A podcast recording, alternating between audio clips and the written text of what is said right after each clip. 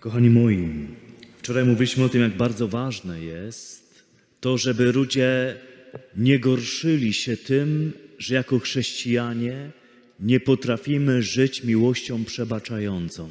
Wszystko, wszystkim, zawsze. Że to jest papierek lakmusowy, po którym nas rozpoznają, jak kochamy, przebaczając. Przebaczając temu, który nas skrzywdził, ale równocześnie przebaczając też samemu sobie, tak jak Jezus wszystko nam przebacza. Kochani, po grzechu pierworodnym weszliśmy w skutki i konsekwencje, które są dla nas bardzo destrukcyjne. Otóż lęk przed Bogiem. Bogiem, który cały jest miłością i miłosierdziem, ale grzech spowodował destrukcję naszego obrazu Boga, zaczynamy się go bać. Zaczynamy się bać kary za przekroczenie przykazań Bożych. Zaczynamy odczuwać wstyd z powodu tego, jacy jesteśmy w naszej słabości, nędzy i tego wszystkiego, co powoduje, że odrzucamy samych siebie. Ten lęk jest dosłownie jakby wcielony w nasze ciało. Często o tym mówię, ponieważ jednym z najbardziej paraliżujących, destrukcyjnych uczuć jest lęk wcielony w ciało, ale też wstyd wcielony w ciało. Dlatego zobaczcie, że po grzechu pierworodnym Adam i Ewa, którzy nie wstydzili się siebie, byli dla siebie przezroczyści, patrzyli na siebie i nie wstydzili się siebie. Widzieli swoje piękno, które było obrazem i podobieństwem do najpiękniejszego Boga. Po grzechu pierworodnym tracimy poczucie bezpieczeństwa, że jesteśmy piękni. Tracimy ten cudowny dar Boży, że jesteśmy piękni pięknem Boga i ciągle się wstydzimy. Ukryli się w krzaki z lęku przed Bogiem, który cały jest miłością i miłosierdziem. Bóg, jak zawsze, każdego wieczoru przychodzi do Adama i Ewy, żeby ze swoimi dziećmi spędzić cudowny wieczór, ale dzieci nie ma w ogrodzie. Dzieci są ukryte w krzakach. Bóg woła: Adamie, gdzie jesteś? Ukryłem się, bo przestraszyłem się Ciebie. Nie zdajemy sobie sprawy, kochani, z tego, że nasze grzechy powodują z biegiem czasu dramatyczną destrukcję obrazu Boga w naszym sercu. Zaczynamy bać się Go, tego, który cały jest miłością i miłosierdziem, tego, który jest Ojcem o sercu Matki. Zaczynamy się Go bać. I bardzo często nie zdajemy sobie sprawy, że wiele naszych modlitw i wiele praktyk religijnych, które czynimy, gdzieś wewnątrz czynimy z obawy przed tym, że jeśli tego nie zrobimy, to może przyjść kara od Boga dla nas za to, żeśmy nie uczynili obowiązków religijnych. I będziemy często chodzić do kościoła, będziemy odmawiać pacierz rano i wieczorem, będziemy jeść dobrą rybkę zamiast mięska w piątek, gdzieś tam z tyłu z obawy przed tym, jak tego nie zrobimy, to możemy zostać ukarani. Jezus mówi bardzo wyraźnie o tym, który wchodzi w przestrzeń, kiedy z Bogiem nie chcemy mieć wiele wspólnego. Jezus nazywa go zabójcą od początku, niszczycielem, ptakiem drapieżnym, lwem ryczącym. To On wchodzi w nasze życie, kiedy nasze serce nie jest zjednoczone z sercem Ojca i nie tylko przez grzech wykrzywia nam obraz Boga, najczulszego z Ojców, Ojcu sercu Matki, ale równocześnie ma dostęp do naszego życia i On jest odpowiedzialny za wszystko, co destrukcyjne w naszym życiu. On jest niszczycielem, zabójcą od początku. I jeszcze w swojej arogancji, pysze i szyderstwie będzie oskarżał Boga w Twoim sercu, że to Bóg jest odpowiedzialny za Twoje nieszczęśliwe życie. A to, co jest tym naszym nieszczęśliwym życiem, to jest najczęściej skutki i konsekwencje grzechów, Skutki i konsekwencje złych, grzesznych wyborów, które wróciły do nas i nas niszczą. To skutki i konsekwencje grzesznych, złych wyborów ludzi wokół nas, które nas niszczą. To nie Bóg jest odpowiedzialny za moje nieszczęśliwe chociażby małżeństwo. Czy ja naprawdę rozeznawałem z Bogiem, czy ten, czy ta jest mi dany od Boga? Czy ja naprawdę rozeznawałem z Bogiem, czy mój mąż, zgodnie ze Słowem Bożym, ma być tym, który zna Pana? Czy ja rozeznawałam, że mój mąż, tym, ten, któremu powiem na całe życie kocham, będę wierna, nie opuszczę aż do śmierci, wypełnia kryteria dobrego męża ze Słowa Bożego? Nie proszę księdza, bo ja najlepiej wiemy się kochamy, bierzemy ślub. Albo pojawiło się dziecko, bierzemy ślub. A potem konsekwencje i skutki takich głupich i naiwnych wyborów idą z nami do końca życia. A demon przyjdzie z szyderczym śmiechem, nie dosyć, że nas oderwał od Boga, że my w ogóle się Boga nie chcemy radzić co do najważniejszych decyzji życiowych to jeszcze włoży w nasze serce to, że to jest wina Boga, żeśmy tak wybrali i mamy takie życie. Jakiś dramat. To poczucie winy, które jest nie do zniesienia, skutek i konsekwencja grzechu. Adamie, czyżbyś zjadł owoc, którego zakazałem ci jeść? To nie ja. To niewiasta, którą postawiłeś przy mnie, to jej wina. Zobaczcie. Człowiek decyduje wolnej woli wybrać tak albo wybrać tak, wybrać dobrze albo wybrać źle. I po złym wyborze zwala winę na drugiego człowieka. To nie moja wina. W małżeństwach dokładnie wiecie o co mi chodzi. Nigdy współmałżonek nie jest tym, który przyznaje się do winy, bierze winę na siebie.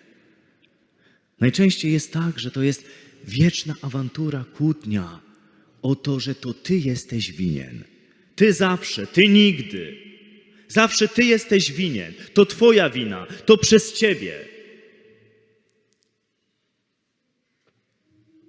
Ciągle zrzucamy winę na drugiego człowieka, bo to poczucie winy jest nie do zniesienia z powodu naszej grzeszności.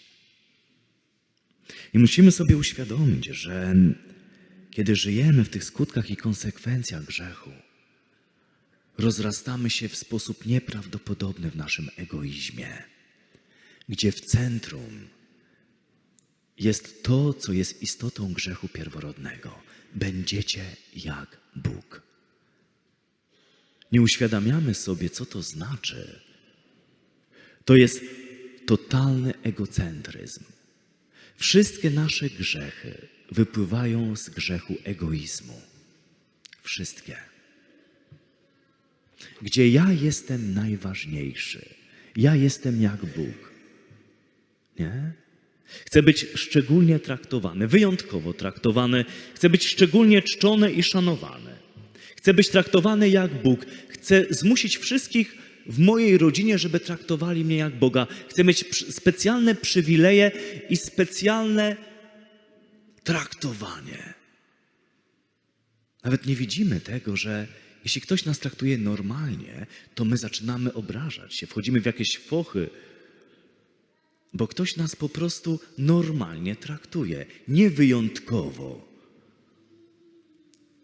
Egoizm ciągle chce być szczególnie wyjątkowo traktowany.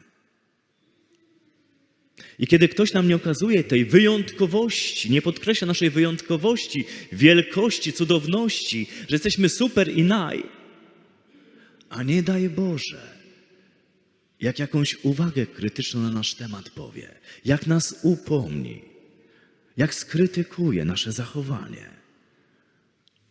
Wróg na całe życie. Wróg na całe życie. To jest właśnie to nasze ego, istota grzechu. Co więcej, jeśli chcemy być bogami, nie tylko żeby inni nas traktowali w sposób boski, wyjątkowy, jedyny i niepowtarzalny, to wchodzimy w presję bycia jak Bóg. Tylko Bogu się zawsze wszystko udaje. Bóg jest idealny, Bóg jest doskonały, Bóg jest perfekcyjny. Bóg zawsze zwycięża. Jeśli chcesz traktować siebie jak Boga, to zaczynasz nakładać na siebie presję, żeby również wszystko ci się udawało jak Bogu, żebyś zawsze był perfekcyjny, doskonały, idealny. Zobaczcie, jaka to jest nieprawdopodobna pokusa demona, który mówi tak: będziesz jak Bóg. Chciej być jak Bóg. Bóg powiedział do Adama i Ewy, nie zbliżajcie się nawet do drzewa poznania dobra i zła, bo umrzecie. Umrzecie w miłości, bo ci, którzy są egoistami, są niezdolni do kochania. Są nawet niezdolni do przyjmowania prawdziwej miłości. Bóg mówi: Nie zbliżajcie się do drzewa poznania dobra i zła. Ale możesz zapytać, proszę księdza, ale co jest w tym złego znać dobro i zło? Tu nie chodzi o to, żeby nie znać, co jest dobre, a co jest złe. Księga Przysłów mówi bardzo wyraźnie o tym, że Bóg pouczył Adama i Ewę o dobru i złu. Problem polega na tym, że drzewo poznania dobra i zła to jest drzewo przejęcia władzy nad tym, co jest dobre i złe dla mnie. Czyli od teraz ja będę stanowił o tym, co jest dla mnie dobre, a co jest złe. Nie Bóg będzie mi mówił, co jest dobre, a co jest złe. Ja będę wiedział najlepiej, co jest dla mnie dobre i co jest złe. Sam sobie ustalam hierarchię dobra i zła.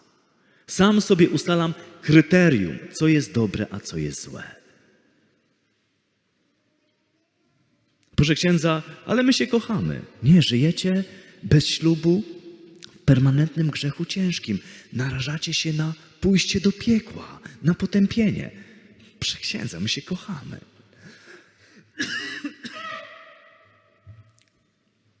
Ja wiem najlepiej. Żaden Bóg, żaden ksiądz, żaden papież, żadne pismo święte nie będzie mi mówiło, jak mam żyć. Ja wiem najlepiej.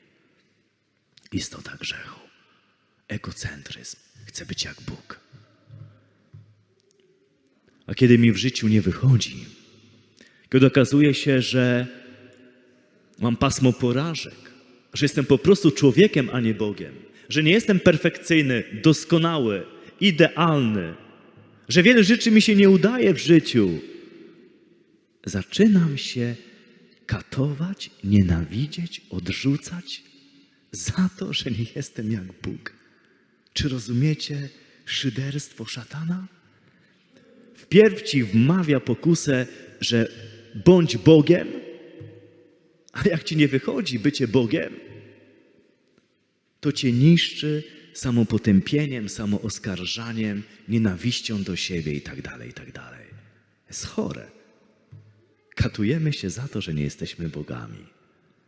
Nienawidzimy się za to, że nie jesteśmy perfekcyjni, doskonali, idealni, że nam wszystko w życiu nie wychodzi. Zobaczcie, jaka to jest perfidia działania demona w naszym sercu. Ale najgorsze jest to, że przestajemy być zdolni do kochania. Człowiek, który zakorzenia się całkowicie w Bogu. Gdybyśmy zapytali Adama i Ewę wychodzących z kościoła hipotetycznie przed grzechem pierworodnym, co jest dla was najważniejsze w życiu, powiedzieliby najważniejsze, On jest najważniejszy. On jest dla nas wszystkim. On jest jedynym. Poczucie bezpieczeństwa, tego, że jestem kochany, że jestem wartościowy, że jestem wyjątkowy, czerpię tylko i wyłącznie od Niego. On jest dla nas wszystkim. Kiedy przychodzi Jezus, złamać moc grzechu pierworodnego, uwolnić nas od mocy grzechu, zniszczyć jego moc, to chce nas na nowo przywrócić do tego, że Ojciec jest najważniejszy w naszym życiu. przywrócić nas Ojcu. Filip powie, Panie, pokaż nam Ojca, to nam wystarczy. Nie jest nic ważniejszego w naszym życiu, jak odkryć miłość Ojca. Jak na nowo przylgnąć całym sercem do serca Ojca. To powoduje to, że przestaję się bać. To powoduje to, że od Boga czerpię moje niesamowite poczucie wartości. To, że jestem jedyny, wyjątkowy, niepowtarzalny. Ale to tylko mogę czerpać serca Ojca, z Jego miłości. Mogę kochać się tylko Jego miłością. Kiedy kocham się swoją własną miłością, jeszcze bardziej wchodzę w egoizm. I jeszcze bardziej będę niezdolny do kochania drugiego człowieka. Ileż ludzi musiało rozczarować się relacją z drugim człowiekiem, którą postawili, ubóstwili w swoim życiu na pierwszym miejscu, żeby zrozumieć, że żaden człowiek nie jest w stanie dać mi szczęścia. Ludzie szukają siebie nawzajem w takiej naiwności, że drugi człowiek, z którym wejdę, na przykład w małżeństwo, da mi to poczucie bycia tak kochanym, jak tego pragnie moje serce. Naiwność, skarby. Naiwność. Jeśli ktoś wchodzi w małżeństwo z oczekiwaniem, że ten drugi wypełni wszystkie moje potrzeby, oczekiwania i deficyty głodu, żebym był tak kochany, jak tego pragnę, prędzej czy później się rozczaruje, sfrustruje i już będzie myślał tylko o jednym o rozwodzie.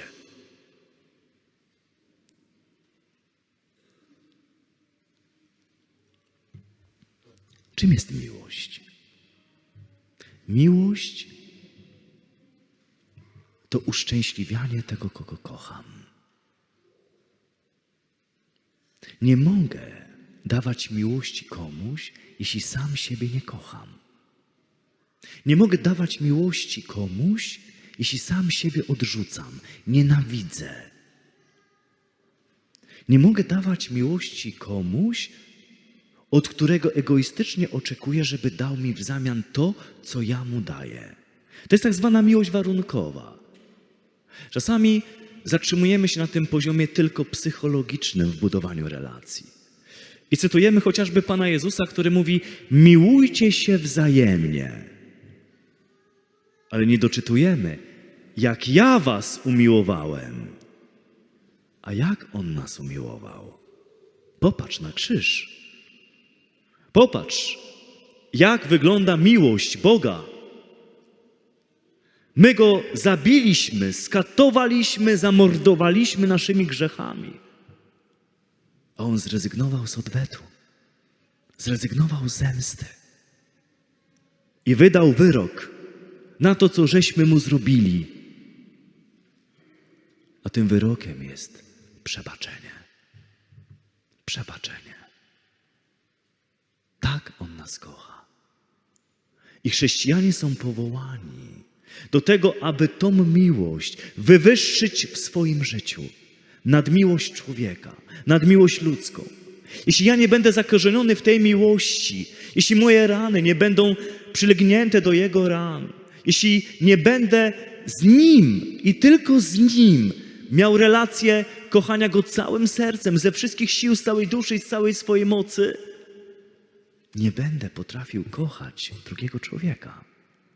Będę tylko egoistycznie wymagał tego, żeby drugi człowiek wypełnił moje głody, deficyty i braki.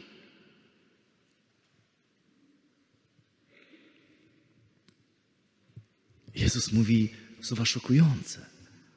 Jeśli ktoś kocha kogoś bardziej niż mnie, nie jest mnie godzien. Nie może być moim uczniem. Wiecie, mamy przez całe życie mnóstwo ludzi w kościele, którzy nigdy tego nie rozumieją. Którzy o wiele bardziej niż Jezusa przez całe swoje życie kochają swoją żonę, swojego męża, swoje dzieci, swoje pasje, zainteresowania, hobby, swoją pracę. Nigdy tak naprawdę nie weszli w chrześcijaństwo które rozpoczyna się od realizowania tego pierwszego fundamentalnego projektu.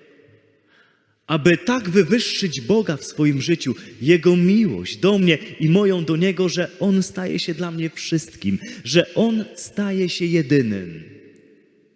I dopiero kiedy te dwa serca, moje i Jego, są przylgnięte do siebie aż tak, że nikt i nic nie jest w stanie oderwać nas od siebie, że nikt i nic nie jest w stanie wejść między te dwa serca, jesteśmy gotowi, żeby kochać drugiego człowieka.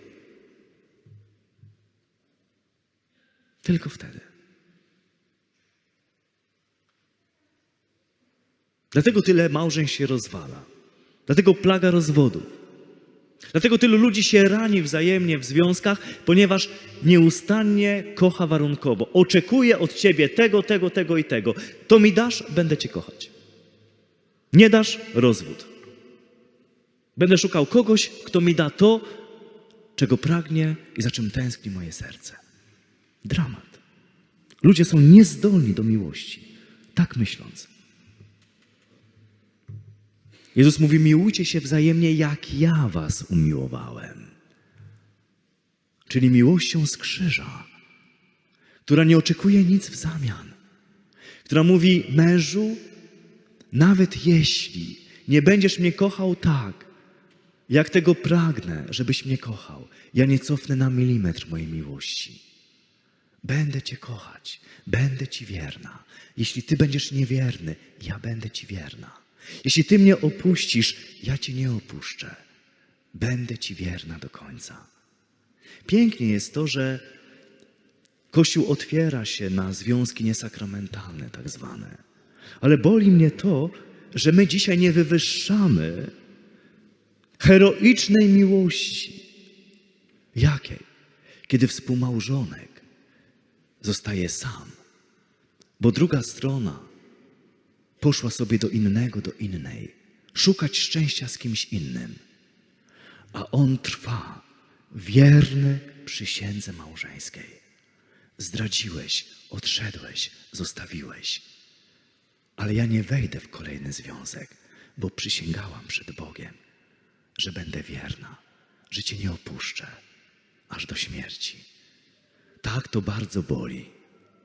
Tak wiele łez tak wiele nocy sama, ale ofiaruję to cierpienie za Twoje zbawienie.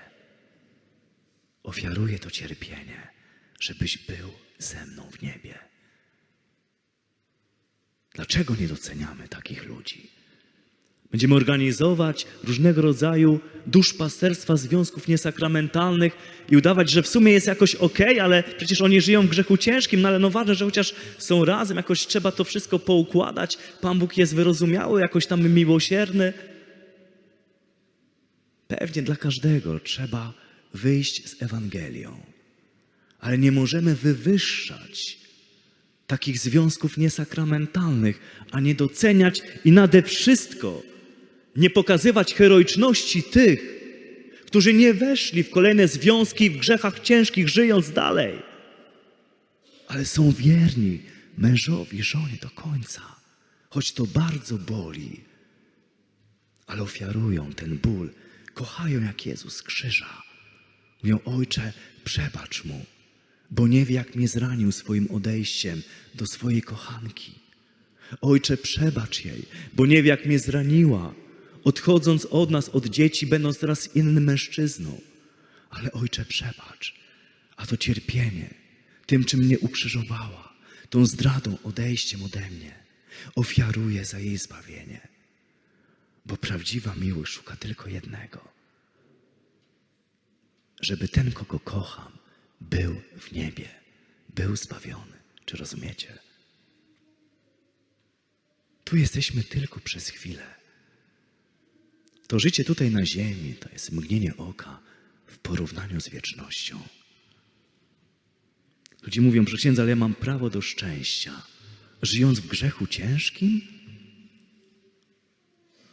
W związku partnerskim? To jest Twoje szczęście? Jak możesz mówić, kocham kogoś, wchodząc z nim w grzech ciężki, narażając go na potępienie wieczne? Jak możesz mówić kocham? Nienawidzę cię, dlatego szykuję ci piekło, partnerze mój, partnerko moja. Żyjąc z tobą w grzechu ciężkim, nienawidzę cię, szykuję ci piekło, wieczne potępienie. Tak trzeba było po powiedzieć. A nie kocham. Co to ma wspólnego z miłością?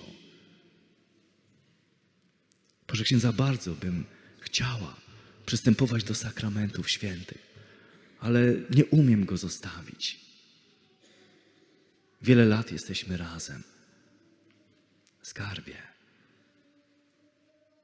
Chwila iluzorycznej przyjemności seksualnej tutaj na ziemi, a wieczne potępienie, które się nigdy nie skończy. Jak możesz to porównywać?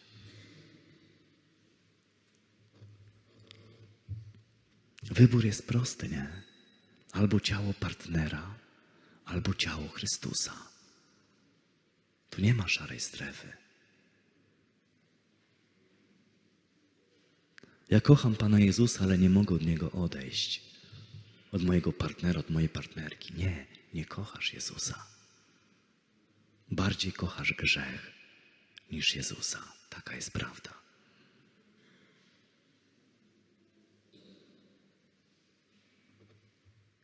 Musimy sobie pewne rzeczy na nowo uświadamiać. Nie bać się mówić pełnej Ewangelii.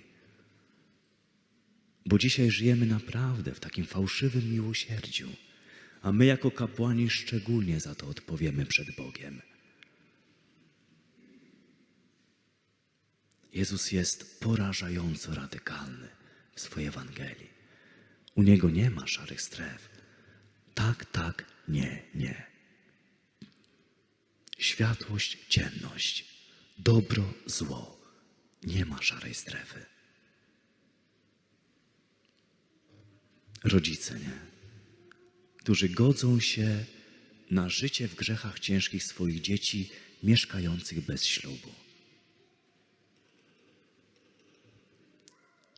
Skarby, popełniacie grzechy cudze. Nie upominacie grzeszących. Jak możesz mówić do swojej córki, do swojego syna, kocham cię, mając świadomość, że żyje w grzechu ciężkim? Jeśli umrze, jest zagrożony realnym potępieniem wiecznym. Czy to jest kocham? Udawanie, że jest wszystko dobrze, jak moje dziecko idzie na potępienie wieczne? To jest kocham?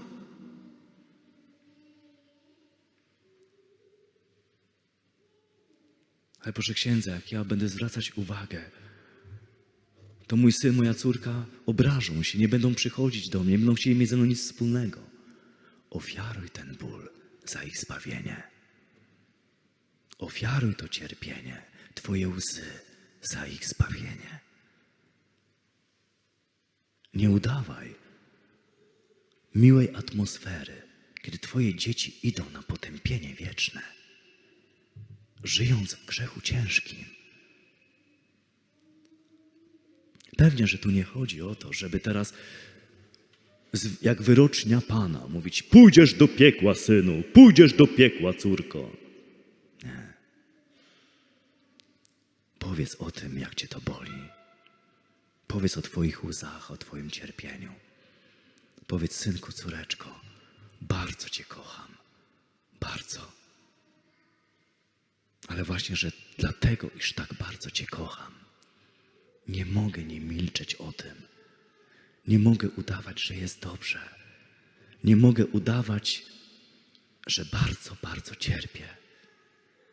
I płaczę, nigdy tego nie zaakceptuję, synku, córko, jak Ty żyjesz. Właśnie dlatego, że tak bardzo Cię kocham. I wiedz o tym, że płaczę, że moje serce jest zmiażdżone cierpieniem. Kocham Twoją partnerkę, mój synu. Kocham Twojego partnera, moja córko, bo to jest syn i córka Boga Wszechmogącego. Ale nie mogę Wam powiedzieć tego, co mówi Bóg. Żyjecie w grzechu śmiertelnym. Narażacie się na potępienie wieczne. I zdaję sobie sprawę, synku, córeczko, że możecie mnie znienawidzieć za to. I możecie już nigdy nie przyjść do mnie, już nigdy mnie nie odwiedzić, bo powiecie, że mam nawiedzoną matkę, dewotę ojca. Ale właśnie, że dlatego, iż tak was kocham, muszę wam to powiedzieć. I chcę, żebyście wiedzieli, że nigdy tego nie zaakceptuję. Nigdy nie będę udawać, że jest wszystko dobrze. I zawsze w moich oczach i w moim sercu zobaczysz wielki ból i wielkie cierpienie z powodu tej sytuacji, grzechu śmiertelnego, w którym jesteście.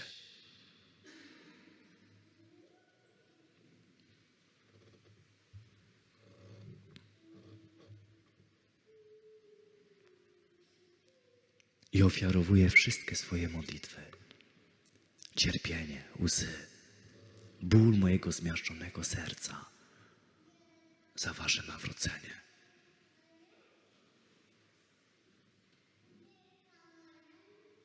To jest skarb Ewangelia.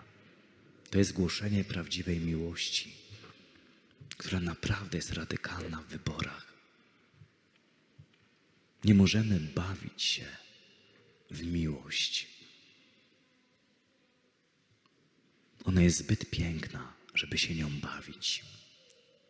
Nie możemy stawiać chwil przyjemności seksualnych nad prawdziwą miłość, która pragnie tylko jednego, żeby ten, kogo kocham, znalazł serce Boga i był zbawiony i był w niebie. Wszystko, co nie prowadzi do tego, nie jest miłością, choćby mi się wydawało, że kocham. Choćby mi się wydawało, że mam różowe okulary i motylki w brzuchu. Jeśli prowadzę kogoś do grzechu ciężkiego, nie ma to nic wspólnego z miłością. Nic wspólnego z miłością.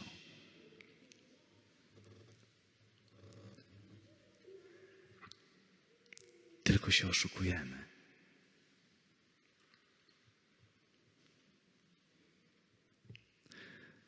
Skarby, miłość zapomina o sobie, o swoich potrzebach, oczekiwaniach, nawet swojego ciała, pragnień cielesnych, zmysłowych, aby szukać dobra wiecznego dla tego, kogo kocha. Wracam do relacji chociażby małżeńskiej, nie? Że jeśli kocham, to chcę uszczęśliwić moją żonę. Jeśli kocham, to chcę uszczęśliwić mojego męża. Jeśli kocham, to chcę uszczęśliwić mojego Boga. Kochani moi, modlitwa to jest spotkanie dwóch zakochanych serc.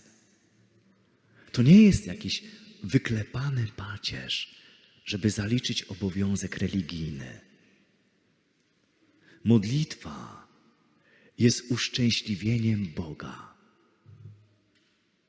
Kiedy uświadamiam sobie, nie, że moja modlitwa rozraduje serce Boga, że On jest tak szczęśliwy, że może się ze mną spotkać, że możemy spędzić te 15, 20, 30 godzinę czasu razem, że ja odkładam telefon, wyłączam telewizor i mówię Mu, teraz jest nasz czas, teraz jesteś dla mnie najważniejszy, teraz chcę Ci dać najpiękniejsze, co w moim sercu.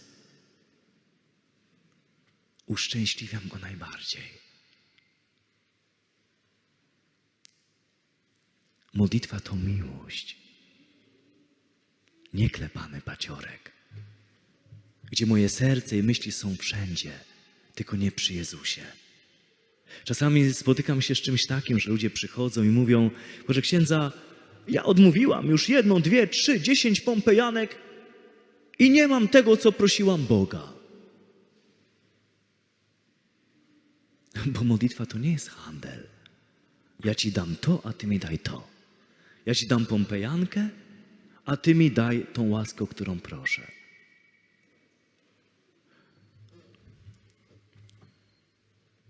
Bo to jest znowu takie warunkowe i instrumentalne i przedmiotowe traktowanie Boga.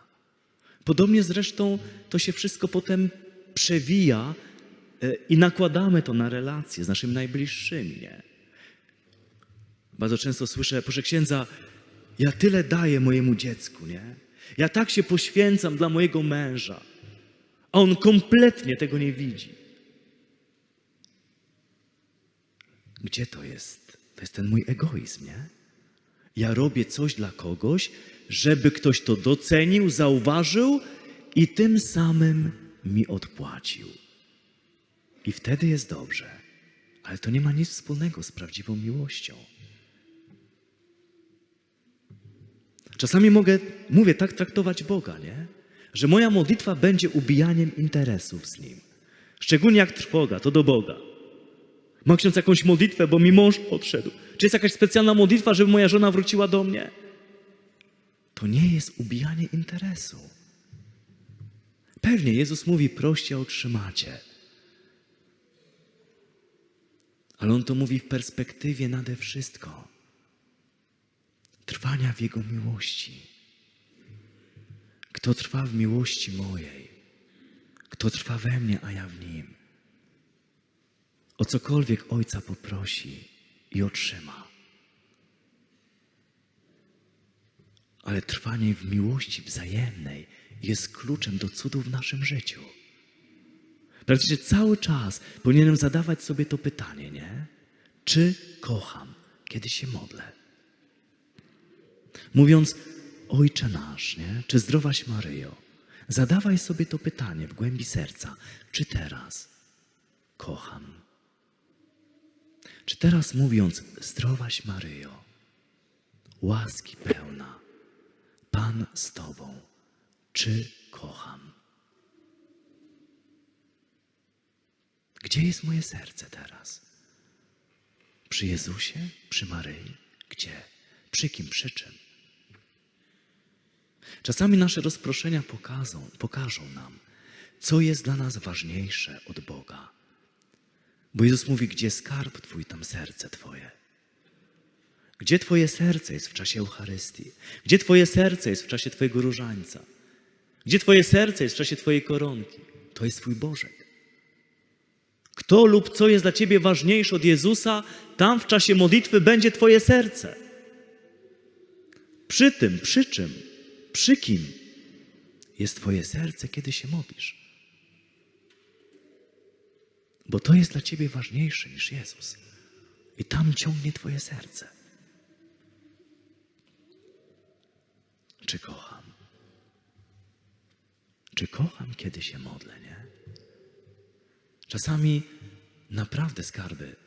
Lepiej odmówić jedną dziesiątkę różańca, niż całe trzy części odklepać. Jedną dziesiątkę różańca powiedzieć z miłością, z głębi serca. Jezus się tak powtarza słowa proroku Starego Testamentu, którym Bóg się skarży, że ten lud czci mnie wargami, ale jego serce daleko jest ode mnie. Ten lud czci mnie wargami, ale jego serce daleko jest ode mnie. Bóg nie może wytrzymać takich modlitw. Często pytam, jeśli Twoja własna modlitwa nie porusza Twojego serca, jak mam poruszyć serce Boga? Jeśli Twoja własna modlitwa Cię nudzi, jak musi nudzić Boga? Zadaj sobie te pytania.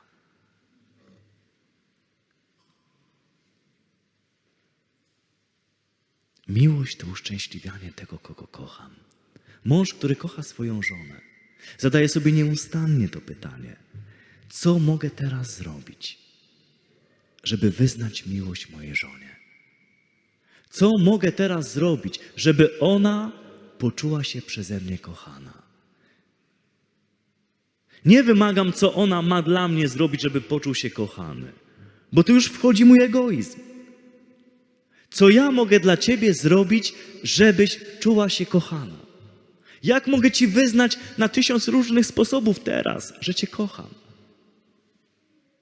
Mąż, który zadaje sobie nieustannie to pytanie, nie? dostaje milion różnych pomysłów od Ducha Świętego. Napisz jej teraz SMS-a, że ją kochasz. Przerwij na chwilę Twoją pracę przy komputerze. Zadzwoń do niej. Powiedz jej trzy zdania skarbie. Pracuję teraz, ale chcę Ci powiedzieć jedno. Bardzo za Tobą tęsknię. Już nie mogę się doczekać, aż przyjdę do domu. Kocham Cię. Lecę do pracy. Pa. Może jadąc samochodem przejdziesz koło kwiaciarni. Wiesz, kiedy ja ostatni raz kupiłem kwiaty dla mojej żony? Może przyjdziesz do domu, zadając sobie to pytanie, co mogę teraz zrobić, żeby jej powiedzieć kocham cię? I twój wzrok popatrzy na nią zmęczoną, myjącą naczynia w kuchni. Podejdziesz, powiesz skarbie, usiądź sobie, odpocznij, zrobię ci herbatę. Ja to pozmywam. Odpocznij sobie. Rozumiesz? To jest miłość, nie żądająca nic w zamian, a szukająca tego, jak drugiemu powiedzieć kocham. Jak wyznać mu, że kocham? Ja nie modlę się po to, aby coś od Boga otrzymać.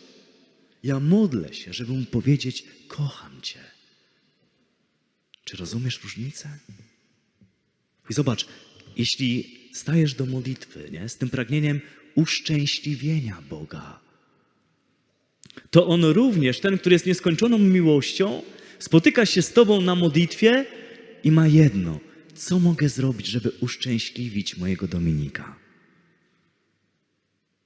Ja nie muszę go nawet prosić, bo on chce mnie uszczęśliwić, dlatego że ja chcę go uszczęśliwić, że spotykam się z nim na modlitwie nie po to, żeby załatwić sobie pewne łaski, tylko po to, żeby być z nim i mówić mu: Kocham Cię, uwielbiam Cię, tak Ci dziękuję, że jesteś. Rozumiecie różnicę?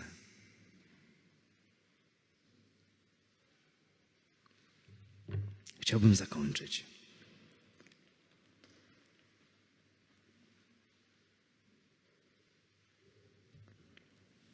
Świadectwem Richarda Evansa, który dopełnia to, o czym mówimy. Posłuchajcie. Kiedy spoglądam wstecz, nie umiem powiedzieć, co tak naprawdę nas połączyło. Nie byliśmy dobrani osobowościowo. Poza tym, im dłużej byliśmy małżeństwem, tym różnice między nami wydawały się zaostrzać. Zdobywanie sławy i pieniędzy nie sprzyjało naszemu małżeństwu, a wręcz odwrotnie. Jeszcze zaogniało nasze problemy. Napięcie między nami urosło do takiego stopnia, że podróże promocyjne moich książek zacząłem traktować jako okazję do wyrwania się z domu.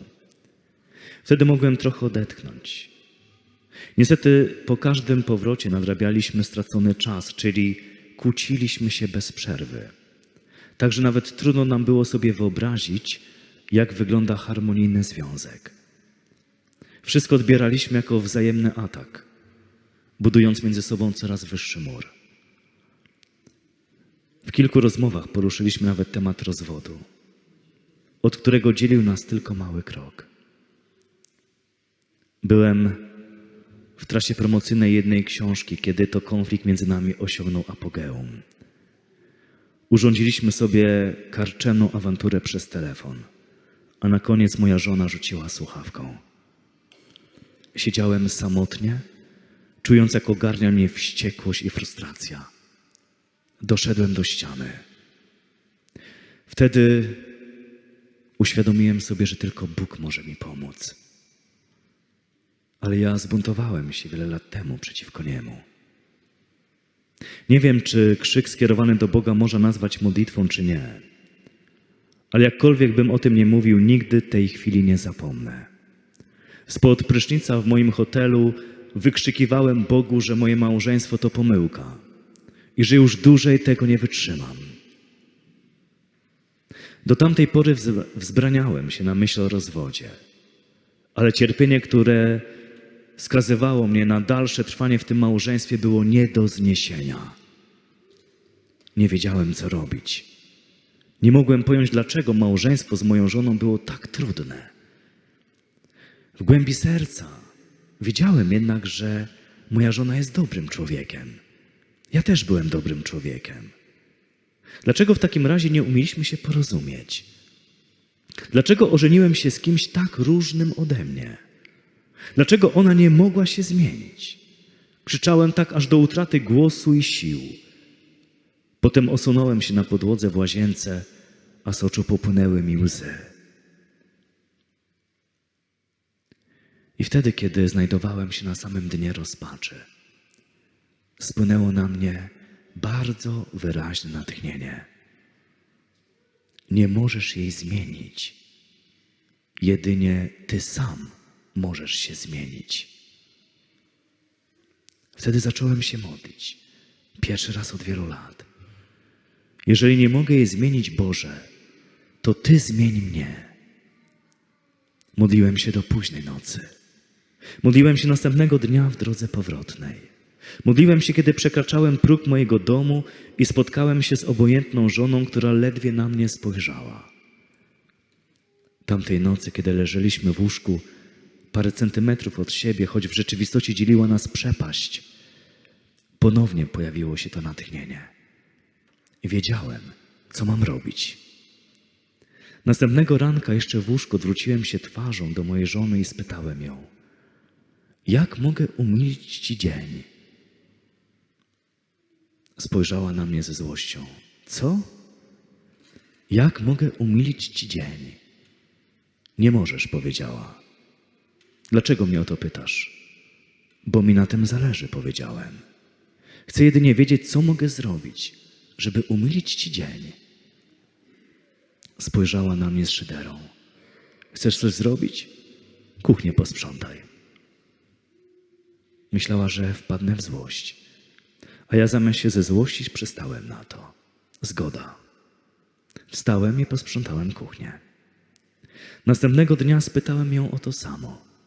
Co mogę zrobić, aby umilić ci dzień? Zmrużyła oczy. Warknęła: Posprzątaj garaż. Wziąłem głęboki oddech. Czekał mnie pracowity dzień. Wiedziałem, że ona celowo daje mi takie zadania. Kusiło mnie, żeby wybuchnąć gniewem, ale zamiast tego powiedziałem: OK, posprzątam. Wstałem i następne godziny spędziłem w porządkowaniu garażu. Moja żona nie wiedziała, co ma o tym wszystkim myśleć. Nadszedł kolejny poranek. Co mogę zrobić, aby umilić ci dzień?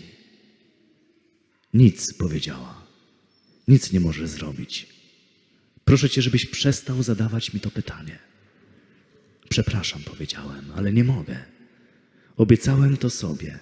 Co mogę zrobić, żeby umilić ci dzień? Dlaczego to robisz? Zapytała. Bo zależy mi na tobie, powiedziałem jej, i na naszym małżeństwie. Następnego ranka ponownie o to spytałem. Zadawałem jej to pytanie co rano przez kolejne dni. A w drugim tygodniu stał się cud. Kiedy zadałem mojej żonie pytanie, jej oczy napełniły się łzami, a potem zaczęła gorzko płakać. Kiedy mogła już mówić, powiedziała: Proszę, przestań mnie o to pytać. To nie w tobie jest problem, ale we mnie. Trudno jest ze mną żyć i nie wiem, dlaczego jesteś ze mną. Delikatnie ująłem jej twarz w dłonie, spojrzałem jej w oczy. Dlatego, że Cię kocham, powiedziałem. I powtórzyłem, co mogę zrobić, aby umilić Ci dzień. To ja powinnam Cię o to zapytać, powiedziała moja żona. Powinnaś, powiedziałem, ale jeszcze nie teraz. Na razie to ja muszę się zmienić. To dla mnie bardzo ważne. Ona oparła mi głowę na piersi. Przepraszam Cię, że byłam taka niedobra dla Ciebie. Kocham Cię, powiedziałem. I ja Cię kocham, odpowiedziała mi. Co mogę zrobić, aby umilić Ci dzień? Uśmiechnęła się do mnie czule. Może moglibyśmy spędzić trochę czasu razem. Odwzajemniłem jej uśmiech. Powiedziałem, o niczym innym nie marzę. Nie przestawałem zadawać jej tego pytania przez kolejne dni i tygodnie. Nasz związek bardzo się zmienił. Kłótnie ustały. A później moja żona zaczęła pytać mnie, co mogę dla ciebie dzisiaj zrobić? Jak mogę stać się dla ciebie lepszą żoną? Runął mur, którym byliśmy odgrodzeni. Zaczęliśmy prowadzić konstruktywne dyskusje o tym, czego chcemy od życia, jak możemy się nawzajem uszczęśliwiać. Nie, nie znaleźliśmy panaceum na wszystkie nasze problemy. Nie mogę również powiedzieć, że kłótnie zniknęły całkowicie z naszego związku, ale zmienił się diametralnie ich charakter. Nie dość, że stały się tak rzadkie, to straciły całkowicie dawną intensywność. Odcięliśmy im dopływ tlenu, bo już nie mieliśmy ochoty się wzajemnie ranić. Rozumiecie? Taka miłość, nieegoistyczna, nie żądająca w zamian tego, jeśli ja się poświęcam, to ty też dla mnie masz się poświęcić. Jeśli ja ci daję swoje serce, to ty też dla mnie masz dawać swoje serce. Jeśli nie, to się rozwodzimy. To nie taka miłość zmienia skarby. Nie taka. Miłość z krzyża. Kocham i nie oczekuję nic w zamian. Jeśli chcesz, kochaj mnie, ale ja nie przestanę Ciebie kochać. Amen.